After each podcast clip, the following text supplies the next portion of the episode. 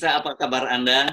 Kali ini saya akan mengajak kembali ngobrol bersama dengan Bung Rocky Gerong. Ini topiknya cukup hangat karena berkaitan dengan hari Senin yang akan datang.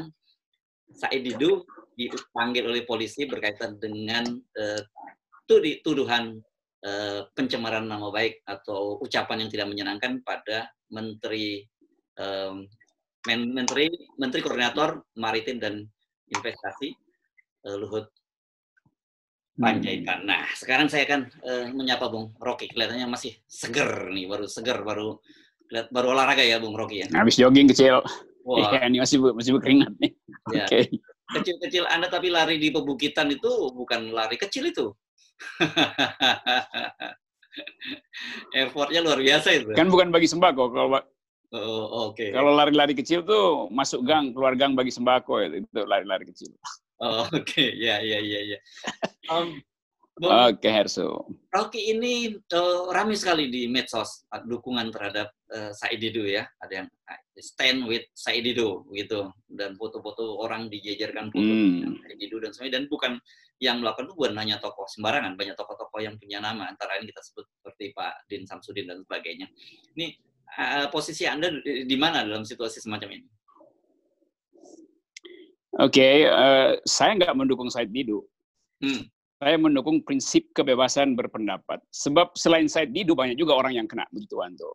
Jadi kayak siapa uh, aktivis yang nulis di Tirto kemarin, terus hmm. WA-nya diretas segala macam. Hmm. Jadi Said Didu ada di dalam uh, tema yang sama dengan mereka yang dihalangi oleh kekuasaan untuk mengucapkan pikirannya. Hmm. Nah yang kena adalah Said Didu karena Said Didu uh, dianggap sebagai orang yang nggak mau berhenti mulutnya untuk mengucapkan kritik sebetulnya. Padahal hmm. yang diucapkan Sedido adalah vitamin untuk demokrasi. Kritik itu adalah vitamin untuk demokrasi. Jadi agak aneh kalau ya. akhirnya itu dilaporkan. Jadi sebetulnya hmm. Kita ingin mempertahankan prinsip kebebasan berpendapat. Itu aja poin intinya. Tuh. Jadi saya pasti mendukung siapa pun, apalagi saya Dido itu yang uh, mungkin ada tambahan pesanan untuk dikriminalisasi, saya nggak tahu dari mana. Tapi ya. kelihatannya ini satu paket dengan kecemasan rejim terhadap para kritisi. Ya. Nanti sebentar lagi ya, tulisan-tulisan Hersu itu lagi dianalisis, lagi cari deliknya tuh di mana deliknya. jangan jangan kompor-komporin.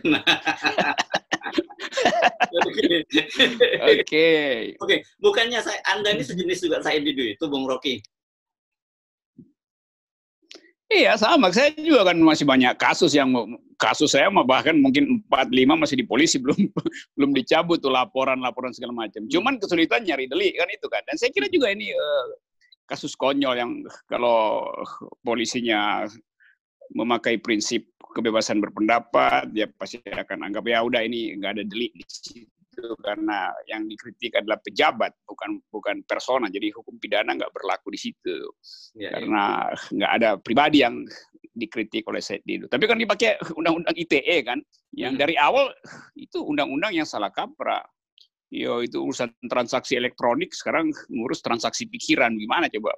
Ya, ya, ya. Kan Said Didu mengajukan tesis dan ya. tesis itu yang mau diucapkan pada pejabat publik tuh. Jadi pengadilan yang bakal konyol. Begitu proses hukum dimulai, ini langsung jadi konyol. Karena saya bayangkan pertama, kalau dia masuk mulai dari proses polisi sampai ke pengadilan hari pertama pengadilan, itu Pak Luhut akan jadi saksi tuh. Karena beliau diwakili kan, karena dia yang melapor. Ya. Itu itu konyolnya di situ tuh. Hmm. Konyol kedua nanti Menteri Keuangan Sri Mulyani harus juga jadi saksi. Hmm. Karena keterangan Pak Said Didu waktu itu, kan Pak Said Didu terangkan bahwa Pak Luhut sebagai Menko menekan Ibu Sri Mulyani sebagai Menteri Keuangan supaya jangan kurangi anggaran investasi di untuk relaksasi ekonomi karena COVID. Hmm. Sekarang mesti di, ditanyakan apa uh, Ibu Sri Mulyani ditekan oleh Pak Luhut dalam hmm. kebijakan. Ditekan sebagai apa? Berarti Ibu Sri Mulyani menerangkan kan karena nama Sri Mulyani disebut oleh oleh Said Dindo. Mhm. Nah sekarang saya bayangin kekonyolannya begini nih. Kalau misalnya Ibu Sri Mulyani bilang saya tidak ditekan itu, hmm. terus uh, pembuktiannya berarti kebijakan Sri Mulyani independen. Mm-hmm. Lalu orang mulai bongkar uh, arsipnya tuh di belakang. Bahwa Sri Mulyani sebetulnya uh, berupaya untuk mengefisienkan ekonomi itu. Mm-hmm. Berarti Sri Mulyani tidak mengambil uh, uang uh, investasi sebut aja ibu kota, dia tidak pindahkan. Atas perintah siapa tidak dipindahkan? Tentu atas keputusan sidang kabinet. Kan hanya di situ kan. Jadi hmm. udah selesai kan problemnya tuh. Jadi ini uh, sesuatu yang nanti akan jadi tertawaan publik kalau diperlihatkan di media massa. Yang kedua misalnya, kalau kata ditekan oleh Pak uh, Luhut Panjaitan sebagai Menko Investasi, ya memang masuk akal ditekan karena Menteri Investasi ingin agar investasi tidak berhenti kan. Biasa aja kan.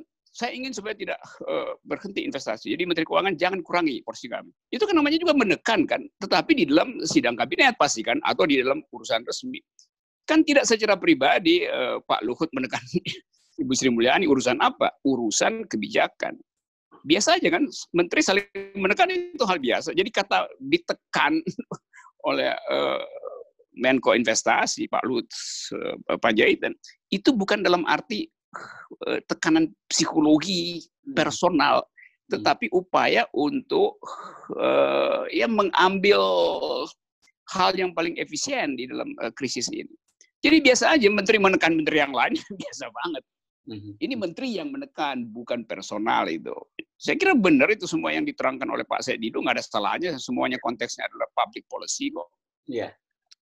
Hmm. Ini kalau sampai terjadi Presiden juga bisa ditekankan. Oh ya, ditekan ya. oleh publik misalnya gitu ya. Iya, presiden juga bisa ditekan kenapa publik kan nggak menekan Presiden Jokowi sebagai Jokowi kan sebagai presiden. Menteri-menteri juga diam-diam bisa menekan presiden lewat kroni-kroni. Ya, biasa banget itu tekan menekan di dalam soal berebut polisi kan hal biasa. Ya, ya. Gitu. Oke. Okay. Substansinya begitu. Nah, jadi kalau skenario yang uh, ya, Anda bayangkan berjalan tadi, eh, ber, ini kan uh, sangat disayangkan waktu berharga para menteri yang harusnya fokus menangani masalah eh, COVID dan bencana nasional ini, kemudian di, dipergunakan untuk hadir di sidang yang sebenarnya tidak perlu terjadi kan? Begitu ya, Bung Rocky? ya, ya itu itu konyolnya begitu kan. Kan nggak mungkin nanti Pak Luhut dipanggil sebagai saksi dia kirim pengacara nggak ada keterangan pengacara. Ini saksi dia sebagai saksi akan dicatat. Jadi dia mesti datang.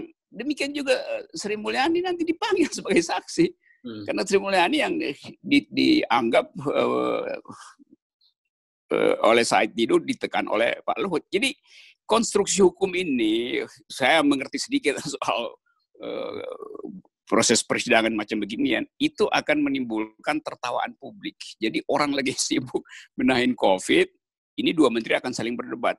Nah bayangkan misalnya kalau terjadi perdebatan antara uh, menteri investasi, Menko investasi dan Sri Mulyani di pengadilan bisa terjadi perdebatan kan?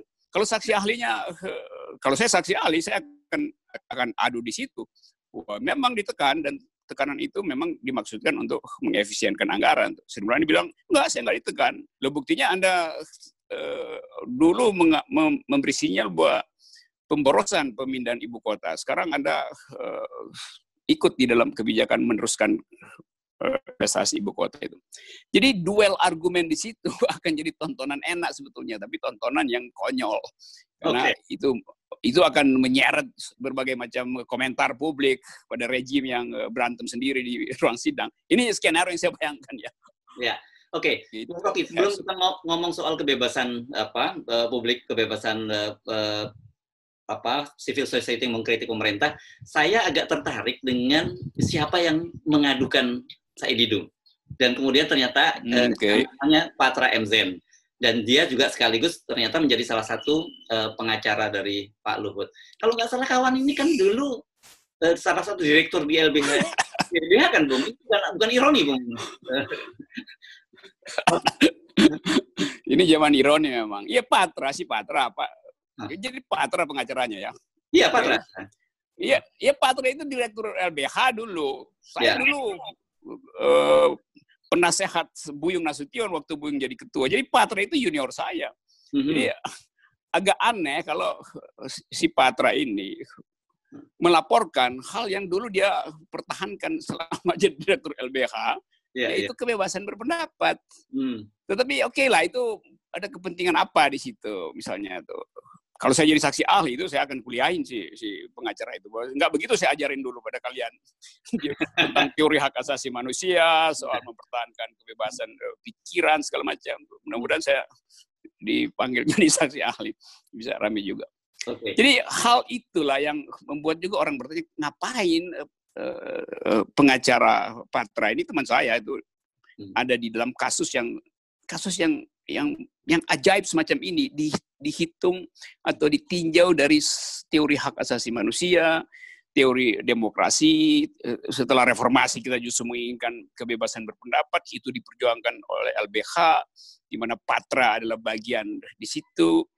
Jadi soal-soal semacam ini kan bikin pertanyaan baru ke publik. Ada apa di belakang uh, kasus ini sebetulnya? Kenapa orang yang tadinya aktif sebagai uh, human rights defender mm-hmm. mau masuk di dalam kasus semacam ini yang sebetulnya secara se- secara intuitif dia tahu bahwa ini konyol kasus beginian nih soal mengkritik uh, pejabat publik kenapa mesti dimajukan sebagai kasus kan gitu soalnya. Oke. Okay. Jadi eh, kalau Anda sebutnya ini ironi atau tragedi ya dari sisi sebagai orang yang pernah berkecimpung di LBH? Saya anggap ini kalau si Patra nggak ngerti soal hak asasi manusia, ini adalah tragedi. Mm-hmm. Kalau Patra disuruh untuk membela kasus ini, maka ini ironi. Tetapi saya anggap bahwa ini adalah komedi. Karena Patra tahu teori hak asasi manusia. tapi dia mau masuk di dalam kerumitan ini, itu komedi. Jadi dia jadi komedian nantinya kan. Itu ini ini soal-soal beginian.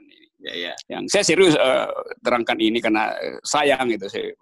Betul. Saudara Patra. Dia dari LBH dia dapat beasiswa belajar hak asasi manusia di Inggris. Inggris. Tiba-tiba pulang pulang nanganin kasus beginian. Mending nanganin kasus korporasi yang gede-gede gitu yang perdata itu, jangan yang beginian lah. Hmm. Kalau perdata ya oke okay lah, perdata tuh di belakang layar bisa diselesaikan, tuh saling berbohong pun gak ada soal dalam perdata. Kalau beginian kan eh, tontonan buruk bagi demokrasi, tontonan yang eh, menghina akal sehat sebetulnya. Oke. Okay. Itu balik, ya. poinnya. Ya. Oke, okay, itu tadi uh, bunga-bunganya lah ya. Kita balik lagi ke uh, soal hmm. hak asasi manusia dan kebebasan yeah. kritik itu ya. Uh, kalau okay. kasus ini kemudian tetap berlanjut dan dan perkiraan aja mm-hmm. uh, berlanjut atau bahkan polisi bisa bersikap lain karena tidak menemukan fakta yang cukup kuat. Seperti, seperti apa yang anda bayangkan? Saya bayangkan polisi nggak akan temukan uh, rumusan delik di situ. Hmm. Karena begitu disebut penghinaan, itu personal. Hmm. Padahal saya Dido ucapin itu di dalam upaya untuk menyelamatkan ekonomi itu. Jangan dong uang-uang-uang aja itu. Artinya jangan investasi didahulukan. Hmm. Dahulukan dulu soal kebijakan eh, sosial untuk tangani eh, kesehatan publik tuh kan itu soalnya kan. Memang disebut uang-uang uang ya investasi memang soal uang. Jadi uh, saya saya kira polisi uh, cukup bijak untuk menolak kasus ini nantinya tuh. Memang dipanggil pertama ya ya oke okay lah buat klarifikasi aja. Mudah-mudahan itu surat untuk klarifikasi aja. Hmm. Saya masih berharap begitu. Ya. Daripada saya berharap jadi tontonan konyol kan. Okay. Sebaiknya si Patra itu berpikir ulang itu karena nanti dia kejebak di dalam kekonyolan ini. Oke. Okay. Reputasi nah, juga bisa bisa berhenti nanti. Iya iya iya iya. Oke. Okay. Ya. Nah e, kalau kita lihat kan dengan banyaknya publik figur yang membela e, Said Didu e, dan kemudian e, mereka bersedia bergabung dalam apa e, satu e, saya lupa nama apanya kemarin tapi pokoknya ada satu kelompok yang menyebut sebagai sebagai pembela Said Didu hmm. dan sebagainya. Anda ini tidak melihat hanya sekedar semata Said Didu ansih kan tadi Anda menyebut begitu ya tapi ada persoalan yang menurut saya cukup serius ya, yeah, yeah. Uh, bahwa selain soal kebebasan ini terjadi polarisasi yang semakin besar gitu uh, di di masyarakat. Bahkan mm -hmm. saya menangkap justru uh, perlawanan terhadap pemerintah akan semakin besar bahkan dari orang-orang yang sebelumnya juga mendukung pemerintah. Jadi kasus ini akhirnya uh, menambah ketebalan sebut aja mungkin bukan kebencian, kebencian itu personal, menambah uh, keyakinan bahwa keyakinan publik bahwa ini pemerintah ini sedang menghambat demokrasi, sedang membatalkan demokrasi. Hmm. Jadi kalau ormas semacam Muhammadiyah, civil society berupaya untuk menggalang dukungan uh, petisi online, ini serius artinya pikiran publik terkanalisasi melalui kasus ini yang sebetulnya banyak kasus sebelumnya tuh hmm. dalam soal-soal semacam itu. Tapi karena saya tidak ada public figure ya udah masuklah seluruh macam kejengkelan ini melalui kasus ini. Jadi ini ekspresi terhadap uh, beban pikiran yang mungkin sudah lima enam tahun ini dirasakan publik bahwa pemerintah ini mengendalikan terus kebebasan informasi, kebebasan berpendapat melalui undang-undang yang konyol. Kan mestinya berhenti dengan undang-undang ITE. Berkali-kali kita ajukan protes segala macam. Undang-undang itu berguna untuk transaksi elektronik. Mm-hmm. Kan begituan kan? Yeah. Tapi memang zaman sekarang ini nggak ada lagi kasus transaksi elektronik, semuanya bawa cash kan. Korupsi kan nggak mau pakai transaksi elektronik, hmm. bawa cash. Jadi mungkin undang-undang ini dia um, dianggap waduh ini nggak ada gunanya nih undang-undang. Mau jerat uh, koruptor yang sogok menyogok lewat uh, transaksi elektronik, mereka lebih pintar dia bawa cash aja tuh, atau hmm. di simpan di rekening luar negeri sebagai dana kasino misalnya begitu begituan hmm. jadi undang-undang yang memang udah nggak berguna nah, sekarang mau digunakan untuk hal kebebasan berpikir kebebasan berpendapat hmm. jadi saya nangkap bahwa eh, bagus bahwa publik akhirnya berombongan untuk membuat petisi membela Said Didu bukan membela Said Didu sebetulnya tapi membela prinsip kebebasan uh, berpendapat dan okay. Said Didu memang orang yang nggak pernah berhenti untuk mengajukan pikiran yang bebas karena dia kan memang uh, presiden manusia merdeka kan. Oke, okay. jadi pilihan eh, pilihan uh, saya dulu untuk tidak minta maaf itu uh, pilihan yang tepat ya, bukan persoalan soal harga diri atau sabar, tapi ada persoalan yang lebih besar yang dia ingin lindungi ya, ini kebebasan uh, publik untuk menyampaikan pendapat, gitu ya, Bung Rocky. Iya, saya kenal jalan pikiran uh, MSD Hmm. MSD singkatan dari Muhammad Said Didu ya.